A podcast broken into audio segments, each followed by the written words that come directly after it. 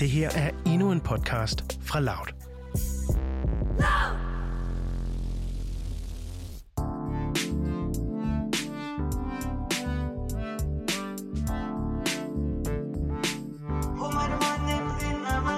Det du lytter til her er den tyrkiske podcast Umarim Anin Dinlemes. Det har kunstneren Tylik Yslü som vært. Merhaba.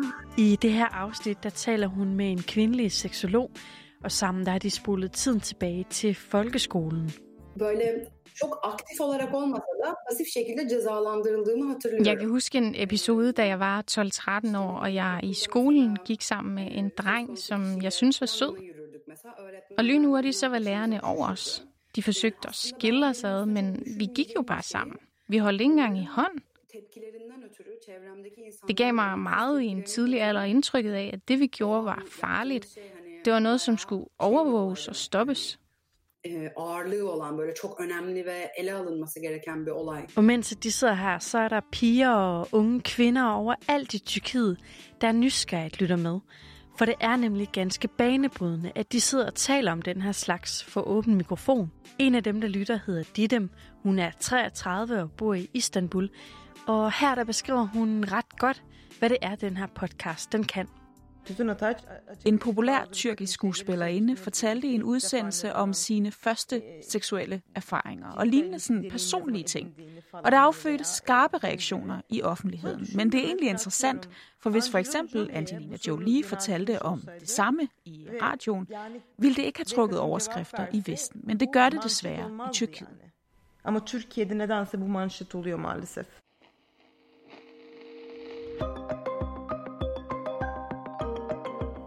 Sex, kærlighed og kvindefrigørelse, det passer ikke ind i de muslimske, konservative familieværdier, der præger billedet i Tyrkiet.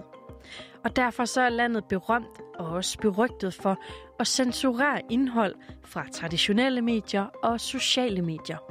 Men i dag i udsyn, der får du historien om en podcast om netop sex og kærlighed, der meget overraskende har formået at kravle udenom præsident Erdogans æderkopspind. Det her det er historien om kampen for ytringsfrihed, og så er det spørgsmålet om, hvor langt man kan tage den her frihed i et stramt styret muslimsk land.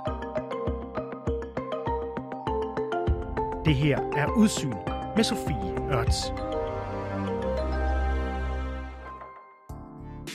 Jeg håber ikke, min mor lytter med. Det er navnet på den her podcast, hvis du oversætter den til dansk. Og i virkeligheden så siger titlen her altså ret meget om, hvor forbudt det kan være at tale om sex og følelser i Tyrkiet. For her er det nemlig ikke kun din egen mor, der helst ikke skal lytte med. Det skal øh, landets statsoverhoved, altså præsident Erdogan, heller ikke.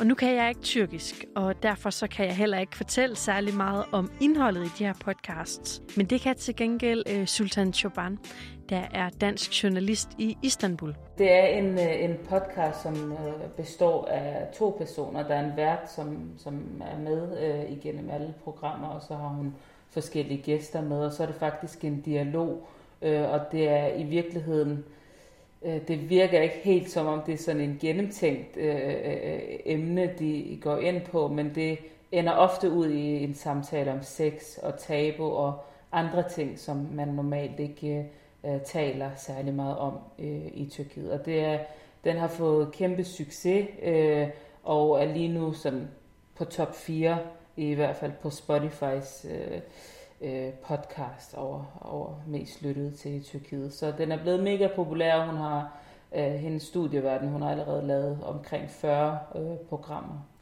Og har du så noget bud på, hvorfor den her øh, podcast den er gået hen og blevet så populær? Øh, ja, øh, jeg, tror, jeg, jeg tror, der er flere ting i det. Altså først og fremmest, så, så er det fordi, det er nyt. Øh, det er frægt, øh, og det lyder måske lidt øh, klichéagtigt, men, øh, men det er det måske også.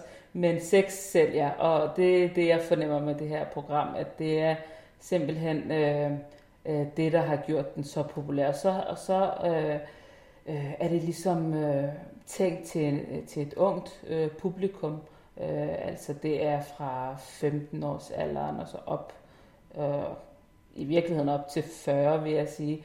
Øh, øh, og, og der er en gang imellem, at der er kendte, øh, hvad kalder man det, øh, der er ligesom kendte gæster med i programmet. øh, som også vækker øh, en del interesse. Det her med, at man kender en og, og de her skuespillere og popmusikere, der er med i programmet, lige pludselig taler de meget åbent øh, om noget, de aldrig har talt om før på tv eller radio. Øh, igen, det er jo sex, det er blandt andet jamen, kinky interesser øh, eller noget helt tredje. Øh. Så, så jeg tror, det er derfor, det er populært. Men jeg tror også, det er fordi, at der ligesom her bliver skabt et, et ånderum øh, og en platform, hvor det ikke øh, lige pludselig løber ud i politik. Og det har tingene nemlig ofte med at gøre i Tyrkiet. Øh, netop fordi den politiske scene er så udmattende, så alt kommer meget hurtigt til at handle om øh, politik. Så her er noget nyt, som kommer lidt øh, udenom det. Og det er i virkeligheden det, som er ret opsigtsvækkende ved den her podcast. Nemlig det, at den handler om noget, som vi taler højt om herhjemme, men som er et tabu, eller måske endda er forbudt at tale om i Tyrkiet. Vi kan bare tage et eksempel. Jeg har selv vokset op på et teenageværelse, hvor Paradise Hotel, det kørte i fjernsynet, og Fifty Shades of Grey, det var en del af bogsamlingen. Og jeg er helt sikker på, at jeg ikke er den eneste. Men den her, den var altså aldrig gået i Tyrkiet. Og derfor så er den her podcast blevet en form for åndehul, og samtidig en understregning af, hvor censureret og tabuiseret det hele det er blevet. Det mener i hvert fald de dem. Det var hende lytteren, vi også mødte lidt tidligere. Når jeg hører, hvordan de udfordrer tabuer i udsendelserne, går det op for mig, hvor meget jeg mangler det i mit liv. Altså alt i fjernsynet er jo forvejen censureret og tabubelagt hernede, bortset fra et par online-kanaler. Men her hører man pludselig bandeord og emner som nøgenhed og alle mulige ting, som vi normalt går og gemmer for os selv. Og når jeg hører nogen tale om det i podcasten, føler jeg et enormt afsavn efter at tale om de her emner og høre andre tale om dem. Jeg fik sådan en oplevelse af lettelse over, at jeg ikke var den eneste kvinde i Tyrkiet, som går og har de her tanker. Det gik op for mig, at jeg ikke behøver at gå og gemme mig. Jeg følte, at jeg ikke var alene.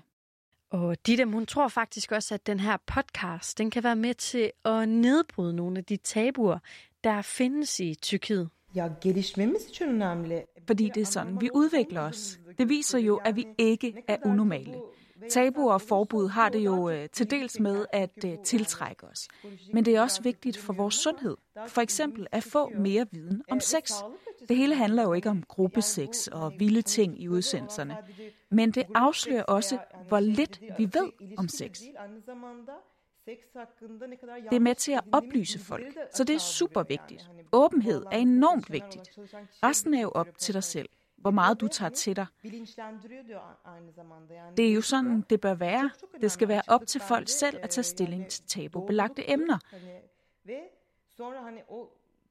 Forbud og tabuer er hindringer for menneskers udvikling. şekilde devam edersin veya başka bir yol yolda gidersin yani ama insanlara kalmaz. Yani insanın seçim hakkı olması lazım diye düşünüyorum ben. Yasaklar sadece sizin gelişiminizi de kısıtlar diye düşünüyorum açıkçası. Sultan, vil du ikke lige prøve at sætte mig ind i, hvad øhm, der egentlig kan være problemet ved at tale åbent om sex, hvis man er kvinde i Tyrkiet? Altså, øh, hvad kan konsekvensen være? Øh, jeg vil sige, at øh, i forhold til, til, til netop det her med sex øh, og, og den slags øh, samtaler, så vil jeg sige, at konsekvensen øh, bliver øh, af public shaming, øh, fordi at de her emner er så ømtålige. Altså, Øh, for eksempel i det her tilfælde med, med den her podcast, øh, så, øh, så diskuterer de meget det her øh, element øh, af public shaming. Altså der er faktisk flere sådan meget kendte personer med i programmet, som, øh, som vælger alligevel ikke at tale om det, de ikke kan tale om, øh, fordi de mest er bange for, at øh, paparazzi-medier bruger det imod dem, og at deres øh, fans simpelthen vil, vil vende dem øh, øh, ryggen. Så det er øh, lige præcis når det kommer til sex, så vil jeg sige, det er sådan en øh, offentlig udskamning, øh, som nok er den værste konse- konsekvens. Og er det her noget nyt, eller har det altid været sådan? Øh, jeg, vil, jeg vil sige, at der er sket en, en øh, stor udvikling. Altså, Øh, bare for sådan, øh, øh, det skal ikke handle om mig, men jeg har selv baggrund i, i Tyrkiet, mine forældre er herfra, så øh, da jeg var barn, så vi en masse tyrkisk tv øh, selv hjemme i, i Danmark, og, og fra dengang, dengang kan jeg huske, at der var faktisk øh, der var en del nøgenhed øh, på tyrkisk tv, i film og i tv-serier, og der var rigtig meget satire, politisk satire, som stort set er ikke eksisterende øh, i tv i dag, i tyrkisk tv i dag. Så på den måde er der nogle ting, øh, der ikke er som, som det var engang. Det betyder ikke, at man ikke blev øh, straffet øh, dengang, eller øh, at der ikke var repressalier. Øh, det var der måske også, men, men øh, der har i hvert fald ikke været øh, en, øh, en censur i så høj, høj grad, som vi ser det i dag. Og det, det skyldes øh, naturligvis, at der sidder en regering ved magten øh, Øh, med, med præsident øh, Erdogan i spidsen, som ikke er interesseret i en sekulær og måske også ateistisk øh, ungdom, som har fokus på, på de her emner. Den 1. oktober der strammede Erdogan og den tyrkiske regering deres greb yderligere om de sociale medier. Med det så kan de få bøder, men også decideret karantæne, hvis de bringer noget, der for eksempel er kritisk over for den tyrkiske regering. Og derudover så kræver Erdogan, at nogle af de her medier, de simpelthen flytter fysisk til Tyrkiet for at indrette sig efter tyrkisk lovgivning.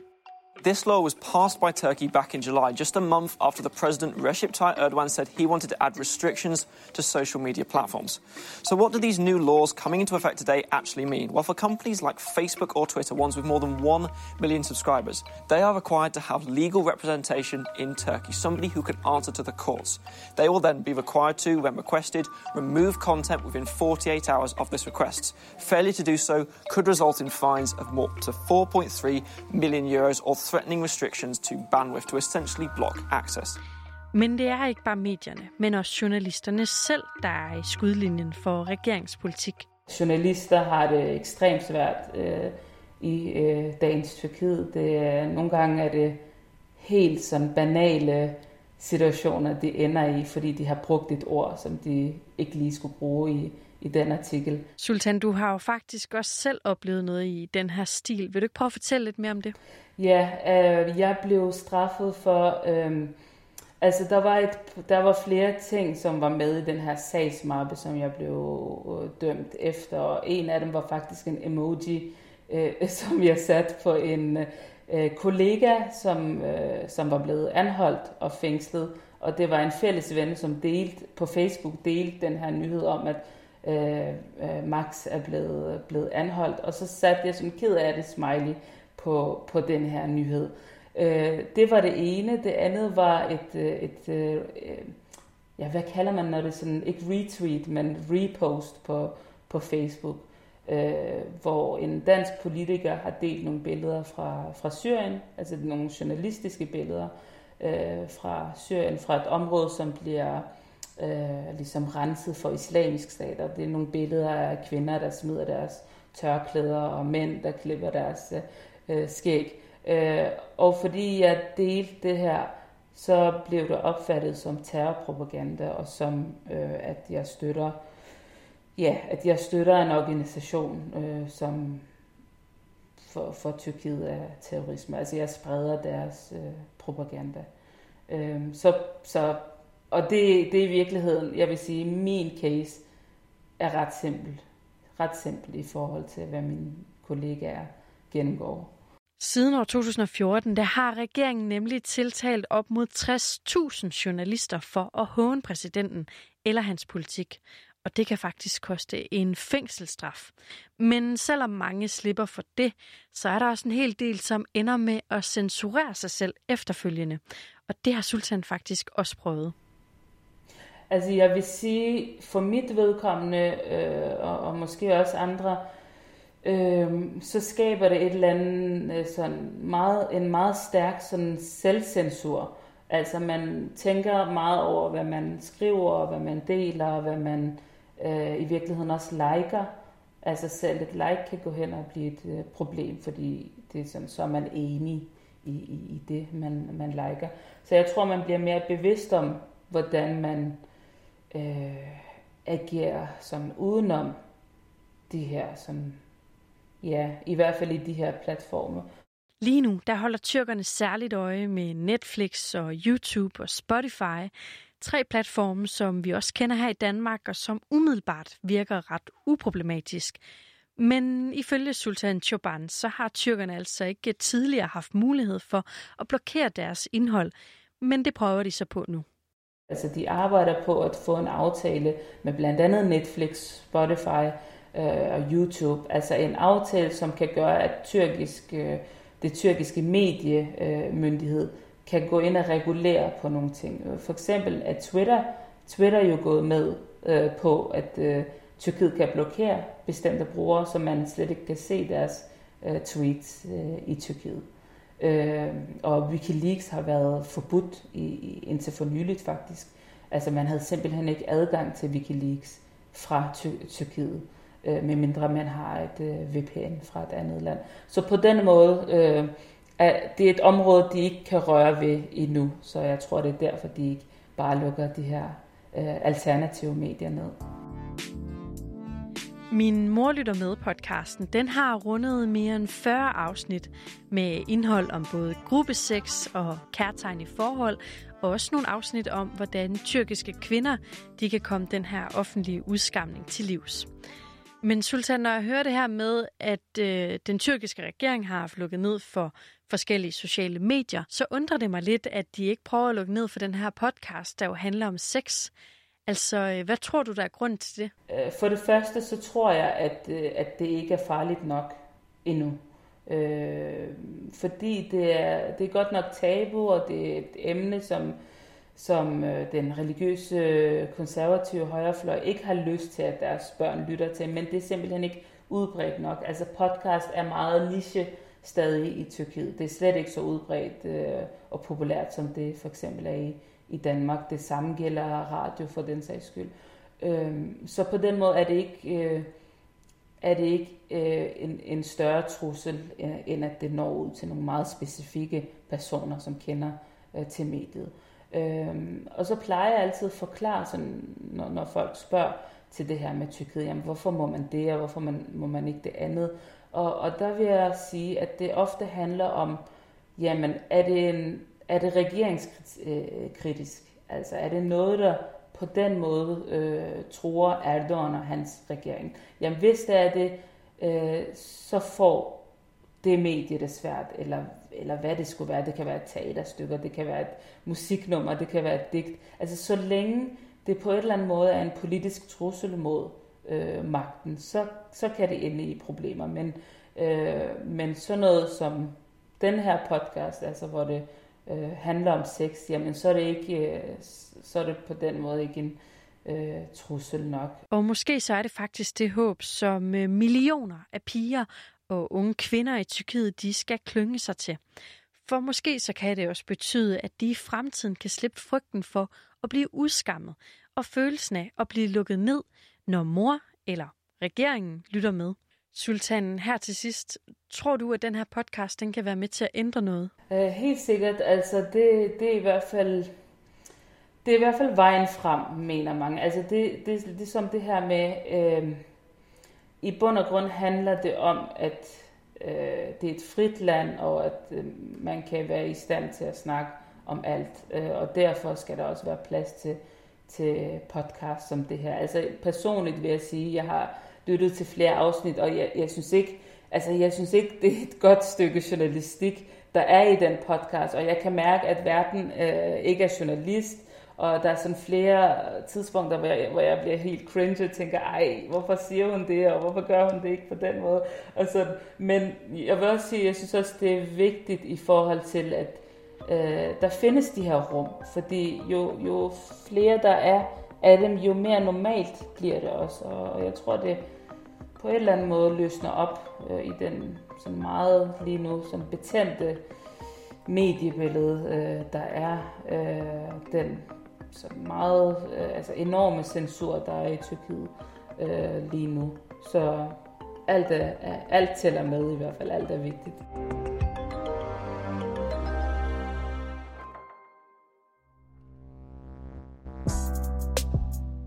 Det her var en aktuel podcast fra Loud.